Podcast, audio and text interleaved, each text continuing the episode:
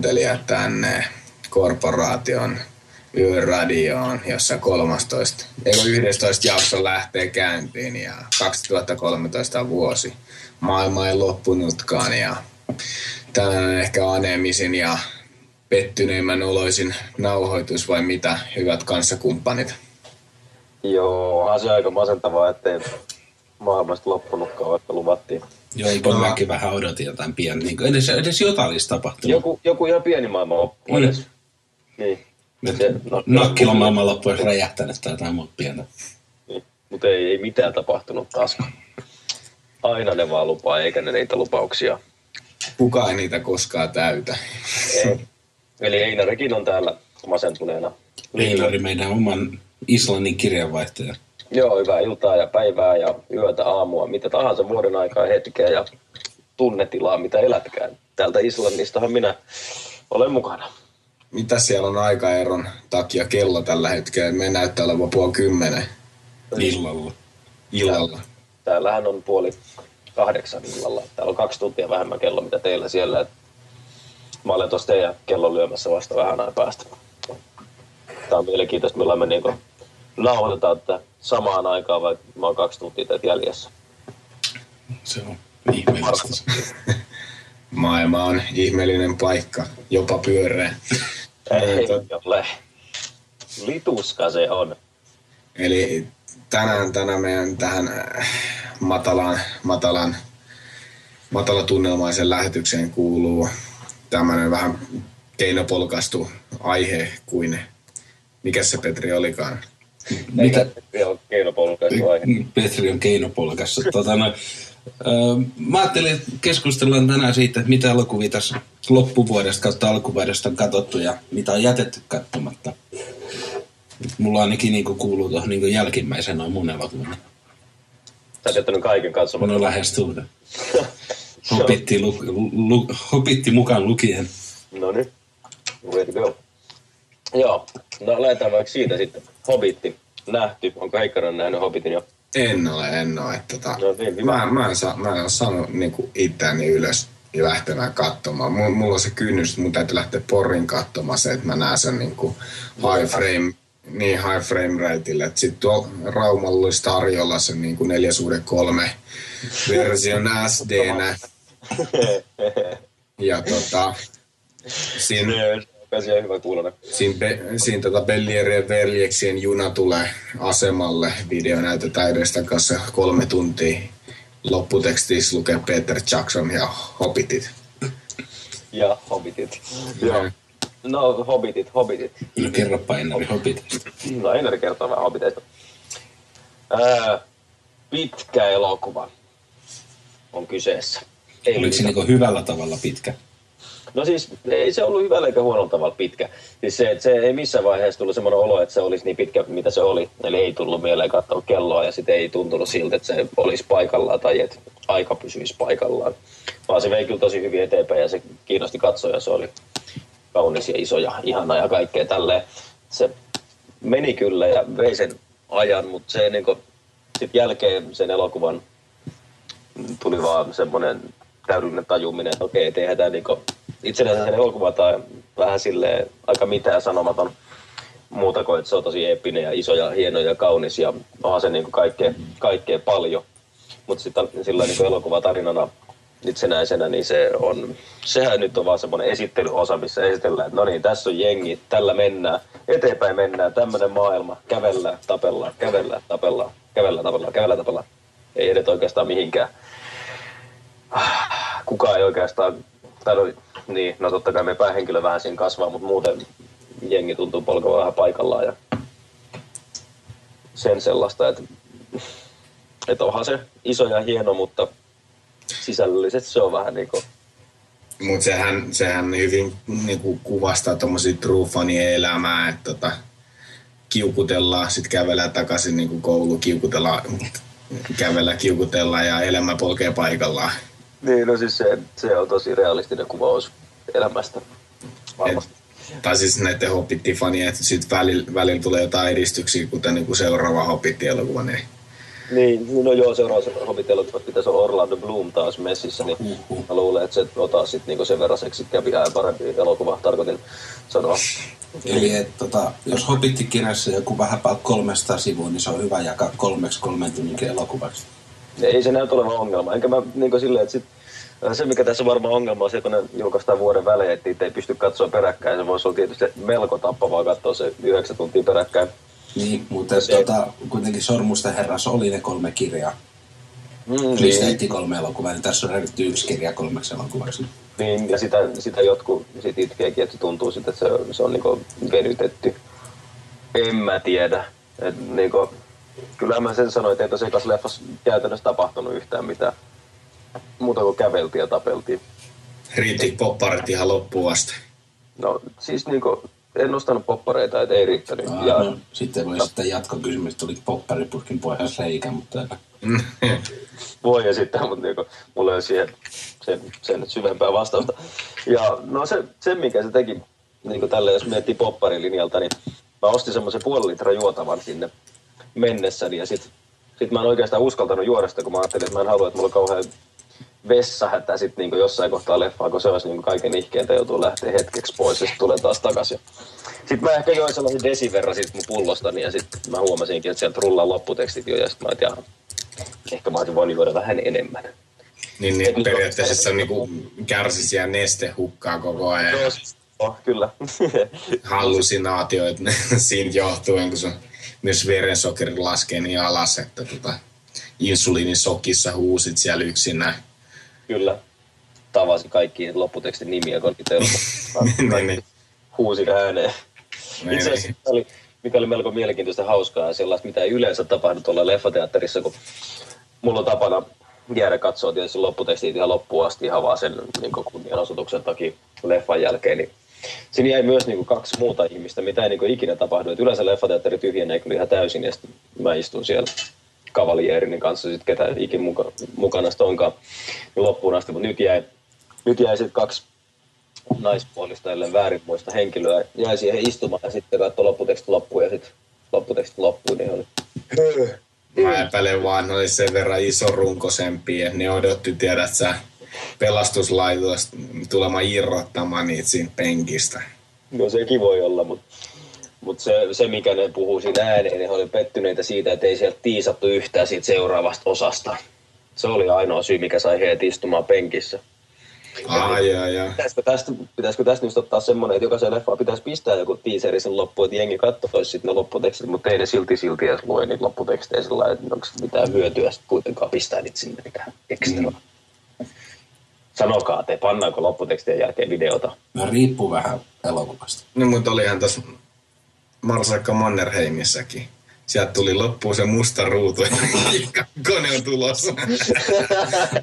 Kuinka paljon me ehditään tästä ja niin, Mä olin kyllä sanomassa Avengersissa, mutta Ville veti ehkä paremmin. niin, niin. Suomen Avengers. Suomen Avengers. Viikinki Halme ja kaikki. Jäi, jäi, jäi, jäi. Hienoa, hienoa, että päästiin takas, takas aiheeseen. Niin, niin. No, Kyllä, se, kyllä. Ja, tai no ei se ollut vielä Hobbitti. Hobbitista niin se 4.8 frame, niin mun mielestä se toimii ihan pirun hyvin niin kuin 3Dssä. Joo. Olihan siellä niin kohtauksia, tai kohtauksia, itse asiassa kohtauksia, vaan kuvia, missä sitten niin rupesi häirittämään, että hei, nyt näyttää ihan todella paskalta, mutta sekin kesti ehkä niin sekunnista kahteen sekuntiin maksimissaan. Sitten kun siihen, niin kuin, ja siihen pääsi aika nopeasti alus mukaan, ettei se niin häirinnyt alusta lähtienkään niin kuin, Niin, niin. mua pahasti, mutta toimi niin todella hyvin. 3D. Ei se tuonut mitään, tota, kun ihmiset sanoo, että näyttää, alkaa näyttää televisiolta. Tuliko sinulla sellainen fiilis missä? No siis, niin, no siis se, kun mä just äsken sanoin, että näytti, joku kuvat näytti ihan sekunnin kaksi näytti paskalta, niin ne näytti just siltä niin telkkarilta, tuli semmoinen telkkarifiilis. Se oli jossain tietyissä kuvissa ja jossain tietyissä liikkeessä, missä niin tuli, tuli niin vahvasti, että se rupesi häiritsemään, mutta se oli niin lyhyitä ja muuten se mun mielestä kyllä, se toimi ihan nätisti ainakin mun, mun silmiin ja siis miksi ei 3D voisi tulevaisuudessa olla aina sitten niinku tollasta tai vielä enemmän frameja. Ei se mun mielestä niinku, se ei tehnyt siitä yhtään huonompaa. 3D on niinku lähtökohtaisesti ihan paska ajatus, mutta niinku tuo on niinku ihan ymmärrettävää siihen, että se toimii, toimii siinä kyllä. Eikä se mun mielestä näyttänyt myöskään yhtään sen enempää niin on kuullut. Mm, niin, niin. Na- naurettavin väite, mitä mun mielestä tuosta high frame rateista on tullut. Että se on, tota, ihmiset on sanonut, että, että nyt kun se näyttää niin kuin TVltä, niin siinä on myös niin kuin depth of field, eli focal length, ollut paljon pienempi, eli tämä syvyysterävyysalue, niin, niin elokuvallisesti, eli nyt hyvät katsojat, mikäli ei niin hahmota näitä tämmöistä jargonia, mitä mä tässä jauhetan, eli kun tarkennuksella on tapana vähän ohjata katsojan, katsojan huomiopistettä, niin elokuvissa on yleensä paljon blurrimpi tausta, kuin, tai se blurrimpi, sumempi tota, tähän kohteeseen ää, verrattu tausta kuin televisiossa, koska ne objektiivit tekevät tarkempaa piirtoa ja enemmän mm, pienemmillä syvyysterävyysalueilla monestikin kuin televisiokameroissa olevat objektiivit. Ehkä tämä meni vielä vaikeammin selitettäväksi, mitä asia on. Niin kuin, tuota... Riippuu sitten monesta muustakin asiasta, niin kuin kennon koosta. Ja... Mutta ei niin, mennä niin. Ei mennä, mutta kuitenkin niin, niin, tota, ihmiset, ihmiset oli valittanut tätä, että kyllä nyt, nyt, nyt on niin kuin terävää kuvaa kuin kaikki paikoita.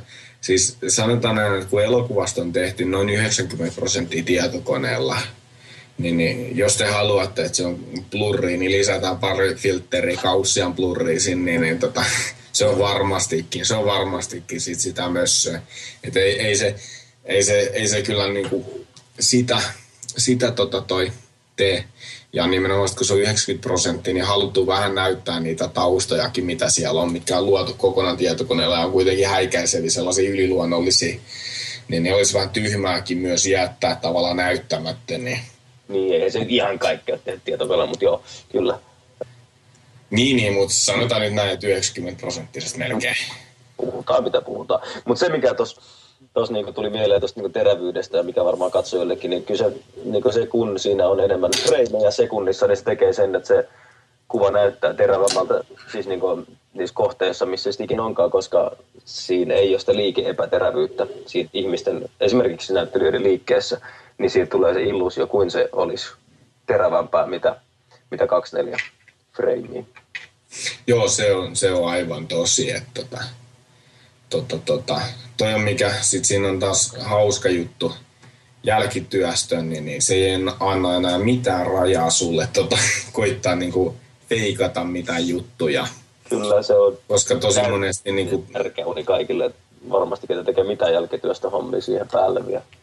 Ja se, se, se on sellainen, että monesti semmoisen liike, liike tota, sumennuksena tai tuommoisen, niin, niin tehdään paljon asioita, että ne näyttää realistisemmalta – mutta tuossa vaiheessa on sitten, että niinku, sit vaan mennään niinku, ja sitten se näyttää siltä, mitä se on.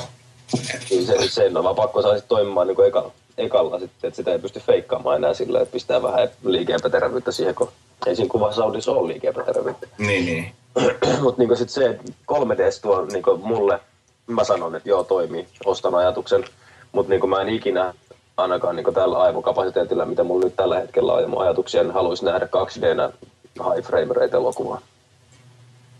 Se ei mun mielestä oikein niin kuin ajasta, ajasta ajatusta, koska tuo 3D on itsessään se, se vähän erilainen tapa katsoa elokuvaa, niin siihen sopii tollanen, mutta sitten kun puhutaan 2D-kuvasta, niin sitten sit mulla on ainakin niin vahvasti se, se että miltä elokuvan pitää näyttää, sit kun se niin, on niin. kaksiulotteisena niin, niin, mutta tuossa 3D pystyy jotenkin, pystyy jotenkin antamaan siihen, koska se on uusi formaatti ja siinä niin mä en, mä en näe, että siinä olisi niin mitään niin kuin, se ei ole niin vahva, se ei ollut niin kauan vielä, että siihen olisi muodostunut mitään semmoista millainen se on. Et ei ole niin vahvaa tunnesidettä vielä 3D, eikä varmaan tule olemaankaan. Se taas putoaa jonnekin kuoppaan ja ikinä nouse sieltä muuta kuin muutama kymmenen vuoden päästä taas. Mm, kyllä, kyllä, kyllä, kyllä no kohta se on sitä, niin kuin, että kaikki pitää toteuttaa. Ei vaan tota, Ei. mietti seuraavaksi. Nä, näin se on, näin se on 4K, kaikki, niin kuin HDkin tuli televisio ihan räpäyttää ei vaan. Että, Joo, tota... en mä sitä, että niin Suomessa mikään 4K-jakelu tulisi, mutta niin kuin, niin, niin. mut niin elokuvien seuraavaksi mä väitän, että Lego tulee olemaan oleellisempi asia tässä nyt lähitulevaisuudessa kuin 3D enää. Joo, kyllä varmasti. Niin kuin, ja nythän sitä on tuossa CES-messuilla jokainen televisiovalmistaja pistänyt oman 4K-television prototyypin tai sitten niin kuin jo valmiin tuotteen markkinoille. Kyllä, ja halpoja on. Mikä oli halvin, minkä löysit? En, en mä edes muista, mutta siis eihän ne hinnat ihan kauhean järkeviä vielä ole. Pari Joo, kolme ei, ei kyllä. Mutta tämä oli mielenkiintoinen tämä Panasonicin tota, 4K-tabletti. Se on tabletti lainausmerkeissä, sehän on niin ihan järkyttävän näyttö. Se oli, olit Joo, 20-tuumainen, 20-tuumainen. Että kyllä, kyllä siinä alkaa se elokuvakokemus olemaan jo pussissakin melko ihan katsottavan tota- Ai, mä nyt haluaisin nähdä, kun vetäisi tuommoisessa linja-autossa esiin. Ai, ai, ai, ai, ai. Joo, se, se on varmaan sellainen sanotaan näin, että alkaa olemaan jo pikkasen hifi, hifi menoa sitten. Tota, että... kymmenen tuuman naulaa seinänsä, niin kuin sit käyttäjillä löydy. Niin, niin, kyllä, kyllä. Tarvii olla seinä tosi lähellä sit sohvaa, että voi käyttää sitä tablettia sillä että ilman, Niin, että... niin, tai ääniko mennä. Niin, niin. Mitä hyötyä siitä? En mä tiedä. Mutta 10 metrin päässä seinässäkin, sä et edes näe enää, että onko siinä niin. Ei. Niin, no mä ajattelin sanoa jotain, kun mä olin ollut niin hiljaa tässä. No Petri, sinä kun olet ollut hiljaa, niin... Niin, niin sanois miten tähän, kun Sony tekee, ajatteli, että se tekee nyt kun tulee 4K-telkkarit, niin Blu-ray 1080p, se masteroi ne 4K, mutta sitten ne kuitenkin pistää Full HD ne levylle, ja sitten niiden oma softa kääntää ne niin Blu-raylta 4K, eli Upressa, telkkari. Niin onko tämä sun mielestä tapa, millä 4K pitäisi ruveta tästä eteenpäin levittämään? Ai, mä tipuin kärryltä ensimmäisen niin kuin, puolen hetken aikaan, kun mä mietin toistettu. Ja, mutta sun, sun vastaus oli täysin oikein siltä. No niin, koska mutta kaikki, siis... mikä tehdään jotenkin unko, unkompressoimalla, niin se ei kuulosta. Mutta toi, on, tiedä, toi, toi, toi on kyllä tota, aika hazardi ajatus siitä, että mitä, mitä toi voi olla, niin, niin Joo, mä toivon, että Sony pääsee yhteisymmärrykseen itse kanssa ja ymmärtää, että Blu-ray-levyllä saadaan lisää kerroksia, siinä saadaan enemmän dataa, siinä saadaan sitten niitä isompia elokuvia myös ilman, että tehdä mitään typerää. Niin, niin kyllä, kyllä. Että ei toi, toi, tota, sitä on kuitenkin paljon aikaisemmin jo hehkutettu, että Blu-raylle voidaan tuoda lisää kerroksia. Kyllä. Ja tota, mutta et, joo, ei toi ole kyllä mun mielestä mikään vastaus, että edestakas kompressoidaan ja toi sitten pitää olla välissä laite, mikä sitten avaa niin. sen paketin ja bla bla bla. Niin, ja se ei vaan niin kuin, niin, niin, niin kuin lähinnä just se, koska se niin kuin, niitä ajatus oli se, että he masteroi elokuvat, tekee ne 4 k ne kuitenkin vetää ne jollain omalla kodekillaan Full hd niin ei, se, ei ne ikinä saa silti, niin kuin, vaikka kun ne vetää se siihen Full HD, niin se, siitä kuolee aika paljon matskua välistä, vaikka ne sitten upressaisi sen niin kuin, miltä tahansa jutun, niin ei se ole ikin sama asia kuin natiivi 4K. Mm. Tai nyt puhutaan ihan vääristä termeistä Ultra HD. Niin, no mä olin tulossa seuraavaksi tämmöisen termin kuin Super HD, sitten se, te saatte tuon keskustelun tätä. Mikä se Super HD on sitten niinku yli neljä vuotta isompi? Ei kun nyt Ei. mä jatkan tätä vielä, että näkikö teistä kumpikaan Facebookista pari päivää sitten tämmöistä Netflixin tota, omaa mainosta, että Netflix Super HD, Netflixin tähän asti paras kuvanlaatu. Käy kurkkaamassa, joko operattisi tarjoaa Super HD-kokemuksen käyttöön. Oho, rupeeko se tarjoamaan, niin oikeat Full HD vai? Joo, 1080p on Super HD. Mutta toi on, tota, toi on toi jännä myös. Netflixihän on ensimmäisin palvelu, mitkä lähtis 4K tarjoamaan sitten. No on, käy... on vaan se, kun ei ole mitään kodekkia, millä niin kuin, ei ole standardoitunut se 4K tekeminen. Siis toi mun äskeinen uutinen ei liittynyt niin 4K mitenkään. Ei, mutta no. tota, ei. joo, eihän se tota, periaatteessa tosiaan, no voihan tikselinä venyttää tota, ko, tai ja pakata vaikka 4K jonnekin H264, mutta tota, on se, on se semmoista, ei mitään järkevää kodekkiä tällä hetkellä on niin kuin levitykseen siinä, että, mutta tota, mm-hmm mutta kyllä on kovat suunnitelmat ainakin. Että tota... on, on, on, on, Kyllä sieltä joku kuningas tulee, mikä vie meidät kaikki sinne. En nyt sano onnellaan, vaan sanon, että sinne taivaisiin. kyllä. Mitä siirrytäänkö seuraavaan Petriin? Mikä on ollut elokuva? No nyt, ö, koska niin kuin mä alussa sanoin, että mulla on enemmän näitä, että mitä mä oon jättänyt katsomat, niin mulla oli tosiaan mahdollisuus mennä leffateatteriin tuossa hiukan uuden vuoden korvilla katsoa Hobbitti ja se ää. Juoppohullu. Ja kumpaakaan en mennyt. Mitä sä teit niin leffa teatterilipuja? Jäikö ne raasta? Ne jäi ihan sitten. Eikö sä koittanut käydä diilaamassa Mä, siellä? en mä tiedä, sekin oli ajatus tässä. Kiinnikin on kulmilla heilumme, hei, haluatteko halvoja lipuja? No, no, no täytyisi käydä katsoa tänään. Niin, niin. Niin, mut joo, mut siis toi, en mä tiedä, mulla on jäänyt noi leffat nyt tosi vaiheessa. Mä oon kattonut erästä televisiosarjaa tuolta Netflixistä ja sitten mä oli sitä, että se televisiosarja oli ehkä maailman surkein lopetusjakso ikinä. Mut sen pohjalta oli tehty vielä yksi elokuva, mikä jatkoi sitä sarjaa sen yhden elokuvan verran ja se pelasti aika paljon. Tämä elokuva on Stargate The Ark of Truth, mikä oli periaatteessa tä- täysmittaisen elokuvan mittainen yksi jakso. Tupla episodi. Vähän niin kuin tavallaan. Mutta se oli ihan elokuva elokuvaksi tehty. Joo, joo, joo, joo sama, sama juttu Kyllä. kuin Prison Breakilläkin on tämä elokuva siellä perässä, mikä ei todellakaan pelasta yhtään mitään. Joo, ei, tämä, tämä nimenomaan niin pelasti, koska se jätti kaiken auki se sarja. Tämä oli viimeinen jakso. Niin tässä Niin on... sä sait jo katsottua sitä ennen Jersi Soren loppuun. Jees, siis sorry, mä katsoin kans loppuun. Ei. Millainen päätösjakso siinä oli? en mä tiedä. Mutta toisaalta mielenkiintoinen, että onko se loppunut vai tehdäänkö tätä?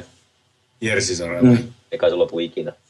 Ei kai, ja Snooki oli ainakin jossain haastattelussa sanonut, tota, tässä näin vaan, näin vaan tota, se haastattelu, että hän ei koskaan halua tota, koskea sen oman lapsen tota, kakkaa, kun sillä tulee nyt tällä hetkellä, se on ilmeisesti raskainen, hoitaa sitä mitenkään muuten, mutta sehän haluaa taata, että sillä on aina merkkivaatteet. Kyllä kuulostaa aika hyvältä, lähtökohdalta. Oh, Mutta joo, tosiaan, mä oon siis kattonut tähtiporttia aika urakalta tässä. Ei mulla varmaan paljon muutto. Ja mä oon tosiaan missannut sitten nämä niinku hittielokuvat, mitkä olisi voinut olla hyvin. Myöskään en ole vielä saanut aikaiseksi mä katsoa tuota Tarantino uutta, vaikka se näyttää kaikkien niinku mielestä olevan paras elokuva ikinä. Mitä niinku lukee kaikki kommentteja tuolta internetistä. okay. Django. Day Ja- Silence. Mitä tota, siellä äh, Islannissa, niin onko teillä mahdollista käydä katsomassa elokuvia englannin kielellä? On. Islannissa ei ole, se on duppauskulttuuria. Näin Et mä täällä- uskoinkin. Täällä on, Että, ihan, täällä on ihan sama tekstitysmeininki kuin meillä ihanassa kotimaassa Suomessakin. Ne tekstittää suomeksi siellä. Joo, ne, Yes. ne he tekstittävät islanniksi. Ää, ja, ja se, mikä täällä on mielenkiintoista tällä hetkellä itse asiassa on meneillään, täällä on sellaisen ranskalaisen elokuvan festivaali meneillään, niin mä ajattelin, että jos mä kerkeisin vielä siihen ennen kuin se loppuun, niin menisin katsomaan jonkun ranskalaisen elokuvan tekstitettynä islanniksi. Niin se voisi olla melko mielenkiintoinen kokemus. Mä en ihan kauhean hyvä tuossa Ranskassa meinaa ole, niin siinä olisi kaksi kieltä, mitä ymmärrä. Se olisi vähän niin kuin pori kattois, paitsi että, niin kuin, paitsi että paitsi, että se ei olisi vaan millään tapaa hauska. Niin, että, Mutta lähinnä mun ajatukseni siinä on, että se olisi mielenkiintoinen kokemus varmasti erilainen. Ja sitten voi olla, jos on hyvä elokuva, niin se menee läpi, vaikka ei saisi mistään kielestä mitään selvääkään. Mutta se voi olla kyllä. Mä muistan tota... No, oli joku elokuva, missä oli Ville Haapasalo ja tota... Sitten siinä oli tota... Kuitenkin tämmöinen tilanne, että oli suomalainen, olisi venäläinen ja sitten saksalainen sotilas jossakin leirillä tai tämmöinen. Se oli suomalainen elokuva. Alkaa kuulostaa joltain huonolta suomalaiset vitsit. Oli suomalainen, Mut saksalainen. se, oli, se oli joku tämmöinen jatkosodan tilanne, ja ne oli joutunut samalle, tai mä muista oliko siinä edes mutta suomalainen ja venäläinen. Niin tota, mä en tajunnut sitä, että laittaa tekstityksi siihen elokuvan päälle, koska se on suomalainen. Mä katsoin sen niin läpi, että mä tajusin ainoastaan, mitä se suomalainen sanoo. Ne oli joutunut tilanteeseen, missä ne kaikki kommunikoi toisilleen, ja kukaan ei osannut toisten Niin kieltä. siis oliko se se, missä se oli se tarkka-ampuja? En mä muista siinä Niin tarkemmin. siinä oli se nainen, mikä puhui vielä tätä saamea ja Ei, kun se oli saamelainen nainen ja sitten oli venäläinen. sitten oli venäläinen mies ja sitten oli se... Niin ja, olikin, ja se oli se tarkkaampuja, mikä oli kahlittu sen kallio. Se oli oikein mielenkiintoinen elokuva. Joo, niin, niin mä katsoin, katsoin sen leffan tosiaan niin, että mä en, no vähän toi saamen kieli itsellä on ruosteessa ja venäjäkin toisen äitinkieltä, niin pitäisi harjoitella lisää. Niin, niin tota, tosiaan niin, niin katsoin läpi sitä ja sitten mä tajusin vasta loppujen lopuksi, että hei, siinähän olisi ollut tekstitykset molemmille saamen kieleen, tai saamen kielestä suomeen ja venäjän kielestä suomeen myös, niin kuin, ja ne olisi kaikki tullut siihen samaan pötkään. Mutta se oli hyvin mielenkiintoinen kokemus, tavallaan tuli semmoinen subjektiivinen katselukokemus siihen suomalaista kohtaan. Pääsit ihan täysin siihen sisälle, että mikä siinä on meininki. Niin, niin kyllä, kyllä. Että semmoinen hyvin hämmentynyt. Mut, tota, joo, se, se, mä ajattelin, että tulee varmaan samanlainen. Että, tota... joo, kyllä se voi olla aika haastavaa niin Ranska-Islanti-sekoitus. Aivan varmasti. Miten tota... Taideelokuva viedistä. Oletko yhtään oppinut siellä puhumaan nyt Islantia? En. Islantia on käytännössä Ruotsi niin murteella. Vähän niin kuin Norja ja Tanskakin. Et niin jos osaisi ruotsia, niin täällä kuulemma pärjäisi sillä, mutta mä en ole ikinä ollut oikein noita ruotsalaisia, enkä varsinkaan ruotsin kieltä puhuvia henkilöitä, niin, niin en ole oppinut mitään. Kyllä mä niin tak osaan sanoa, ja se menee aika lailla samalla täällä kuin Ruotsissakin. Mites tota toi, no kerro, käydään läpi kaikki katsoi kuuntelijoita mm, sekä katsoin. haistelijoita Kiinasta. Mm. Ää, tota, mites, millainen maa Islanti on? Että, tota... Islanti on saari, meren keskellä oleva saari. Vulgaanista maaperää. Täällä on tulivuori, täällä on kuumia lähteitä – Tällä sähkö tehdään tuota, turbiinienergialla, eli luonnonmukaisesti. Tällä lämmitystaloihin hoidetaan maan alta tulevalta lämpimällä ilmalla, eli myös luonnonmukaisesti. Ja Aika nössö, niin ei yhtään ydinvoima. Ei ole todella nössö. Tällä, tällä ei myöskään ole armeijaa.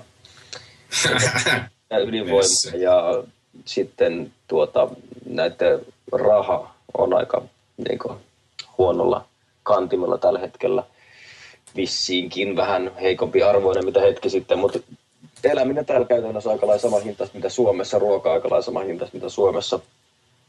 Sää täällä on paljon lämpimämpi mitä Suomessa. Tammikuu 11 astetta plussaa, vettä sataa. Sitä se käytännössä täällä on. Siinä Islantipähkinä kuoressa. No, mites, mites muuten, muuten siellä niin kuin meneminen ja tuleminen Islannin, tota, Islannin rikolliset kadut saa koko ajan pitää lompakosta kiinni ja toi eskimot tulee ja hakkaa sut, vai miten se menee? Joo, se on juurikin näin, että saa koko ajan pelätä niin henkesedestä, koska tulee napakettu tai jääkarhu tai gangsteri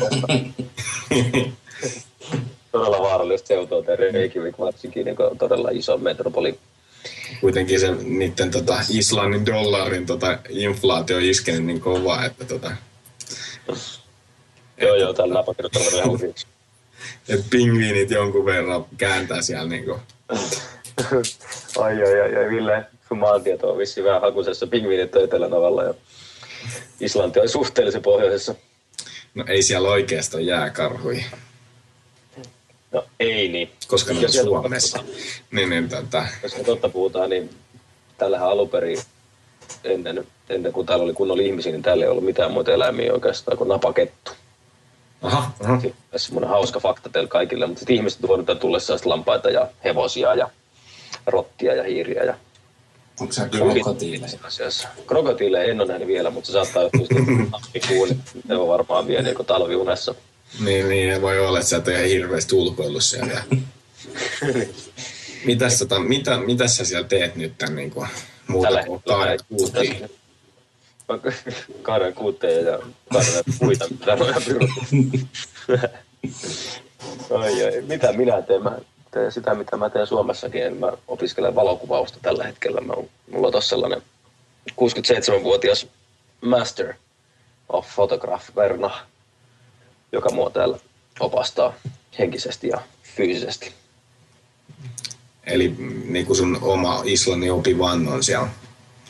Joo, ehdottomasti. Kiinni sun valosauvassas. Sä ymmärrät täysin oikein. kyllä, kyllä valokuvaus, valosauva. Niin, niin. Pitäisikö Ville puhua niistä sun elokuvista? Eli? niin voi, voidaan mun puolesta siirtyä Islannista mun valmiikasta, niin Mitä, oot sä, oot sä vielä käynyt siellä niinku, tuota, elokuvateatterissa, että onko se mikä elokuvateatteri hinnattava?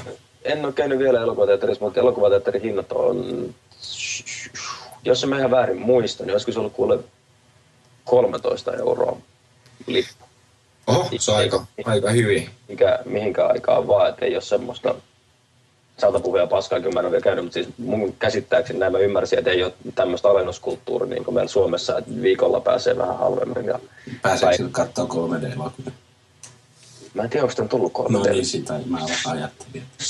Ei, eiköhän, eiköhän. Tai siis, niin, en tiedä. Mun tarvii, siis joka tapauksessa mun piti käydä ennen kuin mä tuun tänne, tänne kästäämään, niin olisin halunnut käydä ennen leffassa mutta täällä, mutta en mä kerinyt vielä. Mä hoidan sen ja sitten kerron siitä ensi kerralla.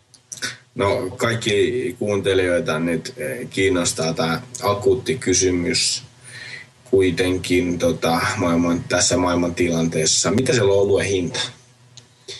No huh, nyt puhut kyllä niin väärälle henkilölle tällaisia kysymyksiä. Oluen hinta. Mä selvitän tämänkin Siis seuraavaksi. vaikka, vaikka sitä kuluttaisi, niin jokainen suomalainen suuntaa ensimmäiseksi siellä ja sit voi hirveä minkä hintaisi, taikka sit sillä niin kuin, tällaisen pitäisi Suomessakin olla. Niin. Mutta mun tarvii selvittää tämäkin ensi kertaa. Mä oon hyvin pahalla nyt. Mä petän nyt tässä oluen hinnassakin. Mutta, Seuraava episodi odotella. Kyllä, elokuvat ja oluet. Kyllä. niin, mutta onko siellä mikään, mi- mitäs, tai mikä on ollut kalliimpaa, halvempaa tai muuten? Et No taikka onko tämä onko tämä sellainen, että kannattaako Teneriffa vaihtaa tähän? Tota, ää, jos haluaa mennä Teneriffalle, että kannattaa melkein mennä Teneriffalle. Tämä Islanti ei välttämättä ole ihan sama asia. Mutta mm, en, mä, en mä huomannut silleen, niin kuin, mä nyt en ole myöskään käynyt ravintolassa syömässä, mutta kyllä mä niitä hintoja tässä on vähän tsekannut. Niin aika samoissa hinnoissa niin pyöritään. Että et osa tuotteista kaupassa on niin halvempia ja osa tuotteista on sitten vähän kalliimpia. Et esimerkiksi jos puhutaan vaikka ihan noista limonaadeista, mitä myydään tuolla internationaalisti Suomessa ja täällä ja ympäri maailmaa. Ne on ihan, ihan niin sama hintaisia puoli litra pulloton ja, ja, ja mikäs nyt olisi vähän kalliimpaa. No jogurtit täällä on vähän kalliimpia, ja, mutta mä en tiedä kuinka mielenkiintoista, mielenkiintoista elokuvapodcasta tämä nyt sitten on. Mutta mut näin niinku... Kyllä. Lopetetaan tähän. Siirrytäänkö nyt mun, mun elokuviin, mitä mä oon käynyt katsomassa? Ei, kyllä mä voin kertoa vaikka, niin kuin, että kelloaika mä kaivan täällä nenää tai... Mutta onko, onko, onko tosissaan näin, että siellä ei ole Coca-Colaa, vaan siellä on kalaturska, limonaadi. Ei, Se on ihan totta, mutta se myydään semmoisessa samalla punaisessa pakkauksessa. Niin, niin. Siinä lukee suomeksi kalaturska. Se hyvin, hä- hyvin, hyvin hämmentävä. Mutta tosiaan, tosiaan äh, siirtykäämme tähän Yöradion viimeisen osion, eli Ei ole viimeinen osio. Meillä on vielä palautteet, lukemat ja no, toiseksi tai kolmanneksi viimeisen. parempi. Eli mitä, mitä elokuvia? Aika pitkälti mä oon raportannut näistä elokuvista, mitkä mä oon kattonut. Niin, niin tosiaan siis pieniin, pieniin tota, leffa-arvioihin. Ja tosiaan, mua kaduttaa toi Juoppohullun päiväkirja elokuva, että sitä mä en ole käynyt katsomassa. Ja tota, öö, se, se kiinnostaa siinä mielessä, että tota, Mä en ole sen niin ihme mielessä lukenut niitä tota Juha Vuorian toi kirjoja. Ja tota toi, mä oon jo Kristian menee Sivarin leffan, kat- la- leffan kirjan lukenut. Mä Mutta, ajattelin, että on leffa tullut jo. ei, mutta tota, mä, mä dikkasin siitä sävystä, että tollanen, että tota, mä oon kuullut siitä elokuvasta sen verran, että tavallaan näytteleminen olisi hyvin teatraalisen olosta ja semmoista ylinäyteltyä ikään kuin elokuvaa. Mutta tota, ja tämä ohjaaja olisi enemmän teatteriohjaaja ollut pitempään kuin elokuvaohjaaja, jotenka niinku, se kiinnostaa nähdä millaista. Plus, että niinku Suomesta harvoin tulee hyviä tota, tuollaisia, niin tommosia, sanotaan niinku, no ei elokuvia, mutta siis niinku nuoria, tota, no, ei, sanota, ei sanota nuorilla, nuorilla aikuisille tarkoitettuja komedioita. Että tota, joko ne on sellaisia niinku, hei, kokeillaan hakea koko ihmisryhmä tähän pieneen kategoriaan, taikka niin kuin sit vaan se on niin kuin jotenkin sellaista pelimannihuumori, mikä ei, ei oikein uppoa, uppoa semmoisiin senilleihin vanhuksiin. Niin se on tota, kohdeyleisö. Kyllä, kyllä. ne ei ainakaan karkuun pääs, kun sitä näytetään siellä, niin kuin tiedät sä, saattohoitolaitoksessa. Niin, niin tota, mutta tota, tuosta komedioista ja niin noista leffoista tuli mieleen, ee, tota, mä en ole nähnyt tätä eilen, eli nyt on kuinka päivä, 24. päivä. Mm. Eilen tota, toi ensi iltaan tullut tota, vuonna 85 elokuvaa, jonka sä olet nähnyt, Einari. Sehän, sehän tulee vasta huomenna ensi iltaan, mutta eilen on se ensi ilta gaala, pitää paikkansa, jossa tuli pyörähdettyä kyllä. Ää, niin, ja se, mä olin tähän kyllä tullut muutenkin hyvä Ville, käytit sun vuorossa taas mulle kääntämisen. Niin, kiitos, tota, kiitos. niin, ää, vuonna 85 todella niin positiivinen yllätys.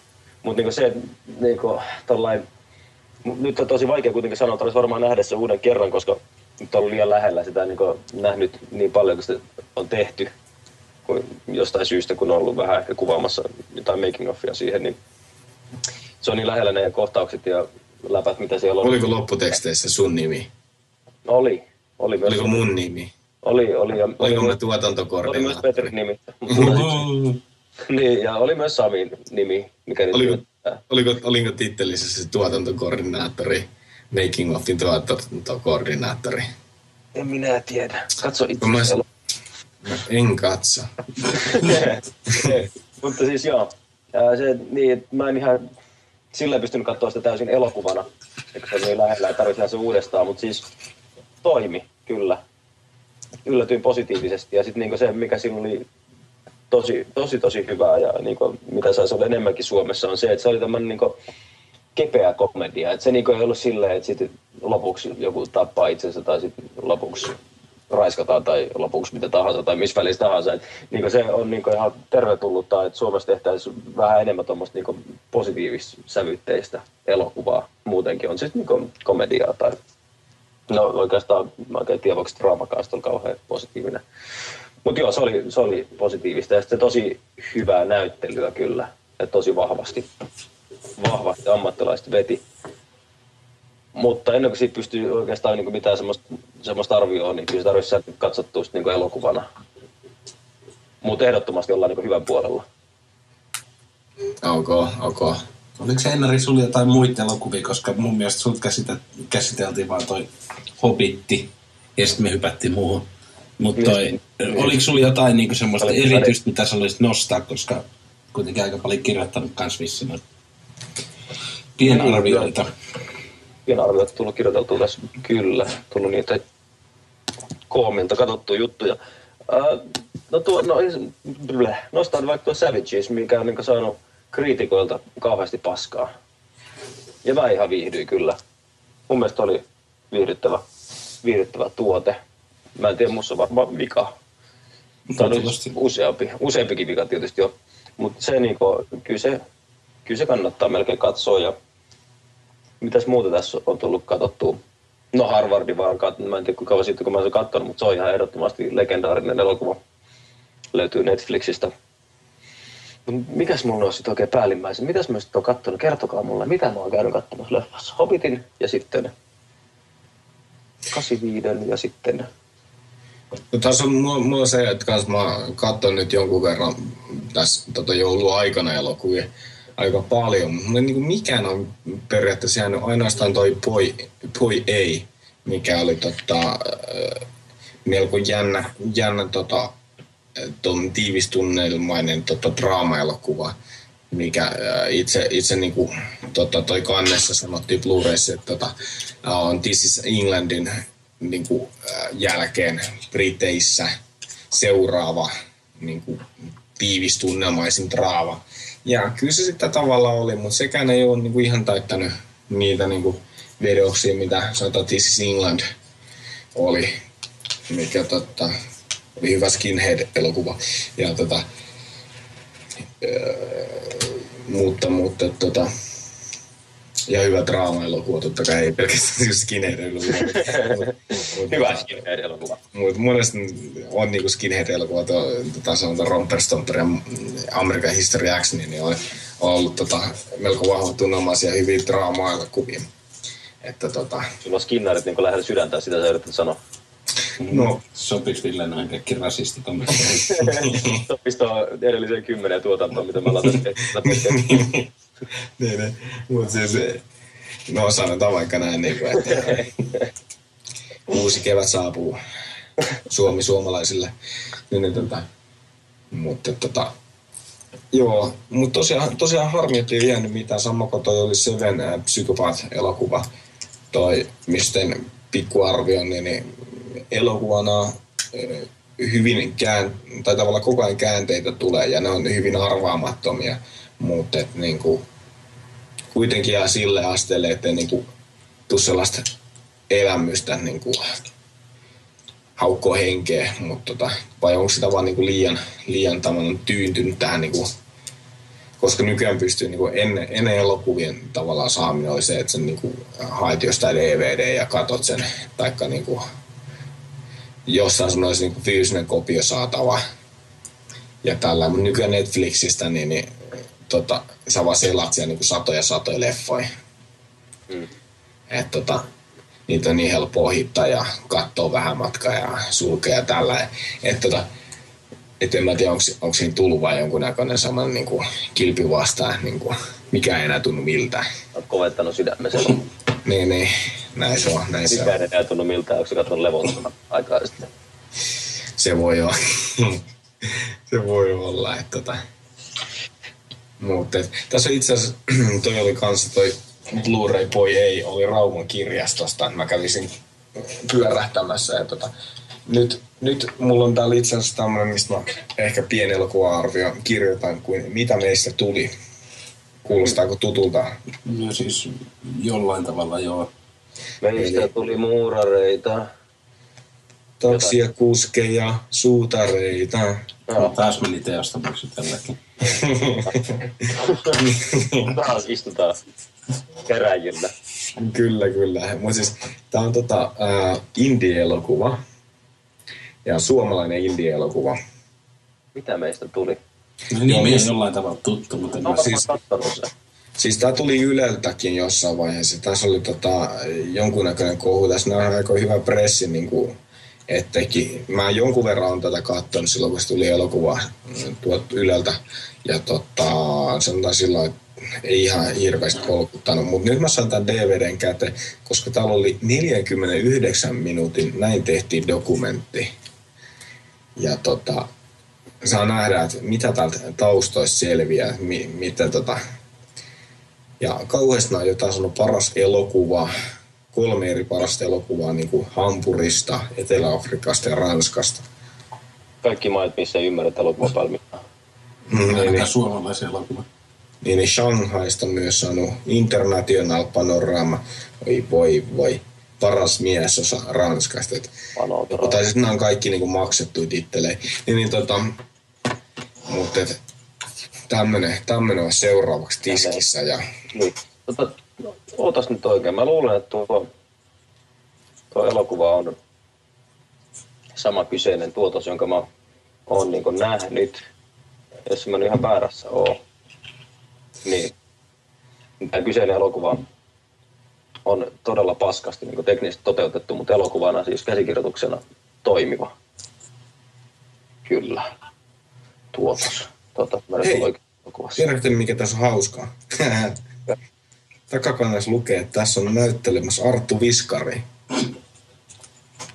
Näytteleekö se omaa itseään? no se vetää siellä jotain niin kuin, anna faija aja mun mökki ja nyt meni vähän pieleen, mutta niin, se oli niin, teosta, teostamaksi nimenomaan. Se on hyvä teostamaksi Joo, Timo, tämä on juurikin se. Tilas, joka, tota, nyt tuli. Joka kannattaa, kannattaa ehdottomasti katsoa kaikki, joka kuunteleekin. Se on aika tuskallista, koska se on, niin kuin, se on tosissaan indien niin, kuin, niin isolla iillä, että se tarkoittaa sitä, että se näyttää aika lailla niin kuin... hyvältä.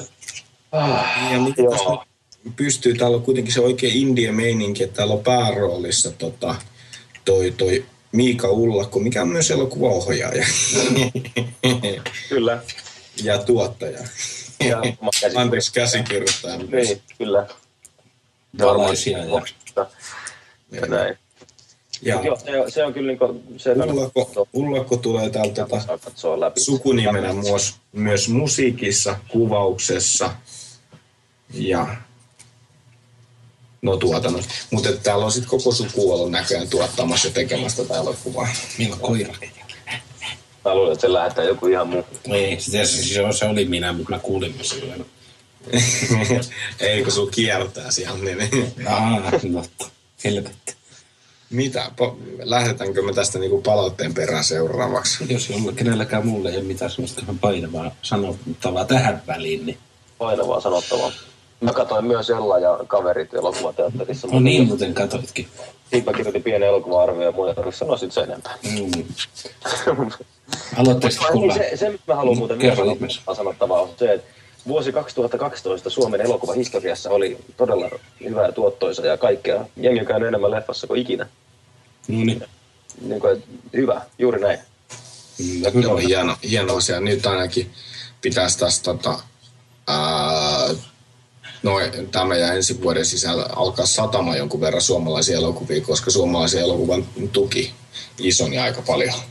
Niin ja Ylekin rupesi saamaan vähän enemmän cashin, eikö hänenkin osta sit sisään enemmän. Ne saa vasta ensi kuussa lähtien. niin, niin. Niin no. Ensi, Ei kuussa, ensi kuussahan on niin sitten joku tämmöiset Ylen Yle on se- virkistyjäiskekkerit siellä. että Tota, Semmoiset parhaat partit, että ettei niinku laittaa paardit. partit todellakin. mihin, mihin verottaja maksaa rahaa, että ne pääsisi paattiin sisään. On niitä... Maksajat maksaa rahaa, mutta ei ne pääse silti ne, ne. Sin paardeihin. tanssimaan. Huhhuh. Onko jollain jotain muut vielä ennen kuin siirrytään lukemaan palautteet, mitä on tänään ihan tullut kuimat kolme kappaletta? Mitä? Kyllä. Historiaa. Tai siis ei ne varmaan tänään tullut, mutta on aivan niin tulee kolme palautetta. Niin, Ihan mahtavaa. Me pitäisi pitää pidempikin tauko vissiin. kyllä. No, annapa, annapa palas. No, meillä on ensimmäiseksi tullut täältä meidän ensimmäiseltä vakkaripalautepojalta. Voikohan sitä sanoa pojaksi? Voi tietysti. Mies on poika niin pitkä aikaa kuin poika on mies. Eli, eli lähettäjä Rami. Ehdotus on tullut. Villillä korporaatio voisi vaikka aina muutaman päivää ennen tai jopa jo edellisen lähetyksen lopussa kertoa seuraavan podcastin aiheen. Ja käsiteltävät elokuvat. Se oli hienoa, kun mä pistin niin piste, mutta se jatkoi kuitenkin se Laura. Öö, näin voisi saada yleisökysymyksiä ja kommentteja paremmin kuin tällä hetkellä. Mm-hmm. Ja sitten täällä on tota, muistaakseni Samille tai Villelle tämmöinen huomio, että podcastissa numero 10 mainittu Rocky Palpoon vaimo, hänen nimi oli uskoakseni Adrian. Kyllä se Sami on tehnyt tämä, tämä virheen. Tämä virheen. Mä itse ainakaan muistan sanoneessani sitä mm, eh, Marsiksi. Joo, sitten tota meillä on tullut ää, meidän toiselta vakkari. Ja sen verran tähän No niin sano vaan. Ramille sanoa terveisiä, että tota, kuten tämäkin nauhoitus, niin, niin tämä oli niin suunniteltu juttu taas, että tota, me ensi kerran, me ensi kerran laitetaan. Suunniteltu yleensä lastentakoti on. Että. Kyllä, kyllä. Ja Siis tota, joo, se ei, ole, se ei ole huono ajatus niin silleen, että se voisi oikeasti auttaa, että ihmiset voisi kysyä tai sitten niin jopa ehkä soittaa studioon. Ehkä. Ehkä. Mä mietin, että pitäisikö Siis- kääntää tämä asia toisinpäin, että me soitettaisiin jollekin. Totta, me voidaan ruveta tekemään pistosoittoja. Ei sekään huono hätäkeskukseen. Kyllä, se, olisi, se on ehkä helppoa, kun mä painella tuosta nappuloista. Niin. Mutta niin se, että joo, se, se vaatisi vaan sen, että me tarvitsisi vähän miettiä aikaisemmin, mitä me tehdään. Ja se mitään muuta vaadi. Voidaan kokeilla jossain kohtaa. niin, niin, tehdä suunnitelma. Sitten se on niinku puoliksi tehty ja puoliksi tehty ennenkin kelvannut. On, on, on, on. on. Mä mietin, kuin hauska olisi soittaa niinku, tiedät sä, myrkytyshätäkeskukseen, myrkytyshätätietokeskukseen ja soittaa Alice Cooperi pois oli siellä. Se podcastina ja joutuu maksaa siitä vielä teosta. Kyllä. Ei, mutta nyt haluatteko, että me jatketaan, että palatte Joo. Täällä on meidän toinen tämmöinen vakkarilähettäjä. Tiedättekö te, kuka on toinen meidän vakkarilähettäjä? Grammeksi tai teosta. Ei, ei ole kumpikaan näistä. Mutta varmaan niin tämän jakson jälkeen ne rupeaa olemaan. Onko se nyt eh, se henkilö, joka pisti meille sitä, että jos me halutaan näkyä internetissä Kyllä, Keri Nieminen. Ja selkeästi kuunnellut, se laittanut meille uuden viesti. Nyt yes. se haluaisi ehdottaa ilmaisia linkkien vaihtoja villilläkorporaatio.com-sivustasi tai muun omistamasi sivuston kanssa. En, en mä jaksa käyttää tätä tota ihan hirveästi teksti, mutta se nyt ehdottaa linkkien vaihtamista. Kerry Joo. Nieminen www.seofinnet.net Joo, meillä on tullut kolmas palaute, minkä mä hetken luulin, että se on tullut mulle, mutta se onkin täällä podcastin kansiossa, niin siis nyt väliin. Niin, niin tota, tää on tullut Canadian Mets, kertoi jo lähettäjä tosi paljon. Mm. Aha. Että tota, Kana- Canadian Mets niin myy meille ihan perusnappia, astmalääkkeitä, allergialääkkeitä, antibiootteita, painkillereitä. Meds for women ja Meds for men. Jos otetaan vähän woman metsejä. Niin, no mitä sä haluisit? Female Viagra, 97 senttiä, niin kuin dollarisetti. Joo, mä ajattelin, että se on se, mitä siitä tapahtuu niin erektiossa. sitten. Joo, ei siis, nämä on ihan kattava hinnasta, minkä ne on lähettänyt meille. No niin, joo, ei, mutta kun female match ei tulemaan, kyllä me istutaan samassa huoneessa joku kerta, niin kyllä me tilataan kuule, mikä sen i- ikin sen nimi olikaan, ketä se lähetti. Canadian Meillä Meds. onkin ensi kerran sitten vähän erilainen podcast-pulla. Meillä on kyllä naisten viagraa ja Mun mielestä näitä oli tullut yksi toinenkin, mutta mä varmaan olen suodattanut sen jo. Mutta joo, tämmönen oli tullut. Joo, joo, niin. Mut kiitos palautteesta kaikille taas kuuntelijoille ja Sydäntä lämmittää oikein. kiitos tällekin farmaseutille ja Mikä kuuntelee meitä varmaan työaikana. Niin, ja niin. Maksaako se teostoja? Kuuntelee meidän työaikana ja vaikuttaa vähän siltä, että se tulee ulkomailta, niin se kuuntelee kuin tulkin Mä kautta. voisin Niin. väittää, että Kanadasta. No niin. No. Englanti, että tätä on tosi helppo kuunnella sillä. Kyllä. Tiedätkö muuten, kuinka monta jäähallia Kanadassa on? Ainakin yksi. No on se varmaan enemmän. No tai ainakin yksi. No aina, no niin, no totta. No, heitä, tosi heitä nyt paljon. Ville. Äläkä nyt eti sitä Googlesta. Pitää Ei se... mun mitään tietää, mua olisi vaan kiinnostaa kuinka monta Ai on. siis mä luulin, että sulla on joku... Kun Raumallekin rakennettiin nyt kolmas just. No, ja Olympialla on. Raumalle rakennettiin kolmas. Mulla siis semmonen rakennettu. Eh, On, se kato tuon lähdepellon varten. Ai niin Harjoitushalli. onkin, niin onkin itse asiassa, joo, mutta ei siinä Kyllä. just ollut rakennettu. Se alkaa niinku Ei, olemaan... kyllä se nyt tuli valmiiksi. No niinku semmoinen elokuva- ja kulttuuripodcast. Joo, ja sitten toinen, niin kuin, että tota, niin kuin Ville sen näppärästi sanoi, että Rauma kerkesi ensin. Tästä tota, Porihan tulee tämä niin kuin Angry Birds ravintola, niin Mm. Rauma kerkesi ensin ja Raumaltahan löytyy jo Tori Pöllö. Mm. Au. Totta. Siellä on pelkästään vihaisia tipuja. Kyllä. Ainakin välillä. Kenties jopa ukkometsoja.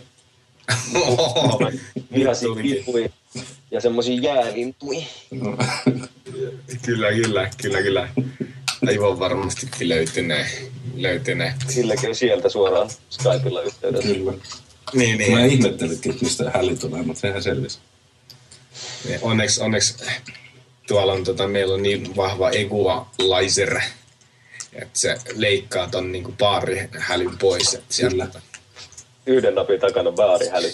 Se on Joo, se on, se on tuossa niinku 18 000 kilohertsin kohdalla viiva 9000 19 529. Se on aika tarkka semmoinen. Ja se, on, se on vaan paha sit siinä kohtaa, kun siinä tulee joku selvispäin sisällä, niin siinä menee sitten kuule taas. No, sitä varten omat nappulat se. Niin. Omat nappulat saadaan ja sieltä Canadian metsistä kyllä. Ei ole Canadian. mikään sinä. Kyllä, kyllä. Hei, mulla oli kyllä yksi asia vielä, mistä haluaisin puhua vähän. Bring it on. Tuota noin, tämä Netflixin oma sarja, Täh. House of Cards, mä hukkasin sen mun sivusta, missä House of Cards, varmaan Netflixin kustantama, koska se on mainostetaan Netflixin omana sarjana. Joo, toi on, tota, toi on hauska. Noita on lähtenyt enemmänkin. Uh, Zombielandista tulee myös televisiosarja, minkä Amazon maksaa. Amazonin tämmöinen... Mutta siis, Zombielandista. Joo, mutta tota- Zombielandista, mutta se on hauska. Zombielandihan piti alun perin olla TV-sarja. no tota mä en tiennytkään, hyvä, että Se piti olla. Se piti olla, kyllä. Mutta tosiaan siihen on sanottu, että siinä on joku alkuperäistaroista, mutta tota, sitä on nyt argumentoitu, että kaikki niistä tällä hetkellä on jossakin leffatuotannossa, että tota, mikäköhän se on. niin, kuin, Joku kuka, sivuosa, sivuosa. niin, niin, se on se yksi chompi sieltä takarivistä. että, Niin se tota, mikä tehtiin kokonaan 3D. niin, niin, että tota, tällainen. Että. Mutta tosiaan Amazonin joku, joku tämmöinen palvelu niin, niin tota, on tekemässä tällaista sarjaa Zombielandista. Mutta Netflixillä on nyt tämä oma sarja. Ja, tota, mua se ei nyt suurin piirtein kiinnostanut. Tota, ei, muakaan se ei itse asiassa ei kiinnostanut, niin kuin mä vaan katsoin, että jaha, tämmöinen tulee. Kunnes mulla mainittiin, että tota, David Fincher ohjaa kaksi jaksoa. aha, Sen jälkeen mulla heräsi semmoinen pieni niin kiinnostuskynnys, että okei. Okay. Tässä on neljä eri ohjaajaa. Yksi ohjaaja saa ohjata kolme jaksoa ja kolme muuta ohjaa kaksi jaksoa. David Fincher ja David Lynch. Ei, ei. Ja, Ja, tämmöiset kuin James väri, Foley. väri, tai siis niinku, mitenkään ei muutu tämä maailma, maailma värikkäisten välille. Tota, kyllä, kyllä. Mutta siis tähän on niinku USAn äh, politiikkaan liittyvä tämmöinen niinku draamasarja.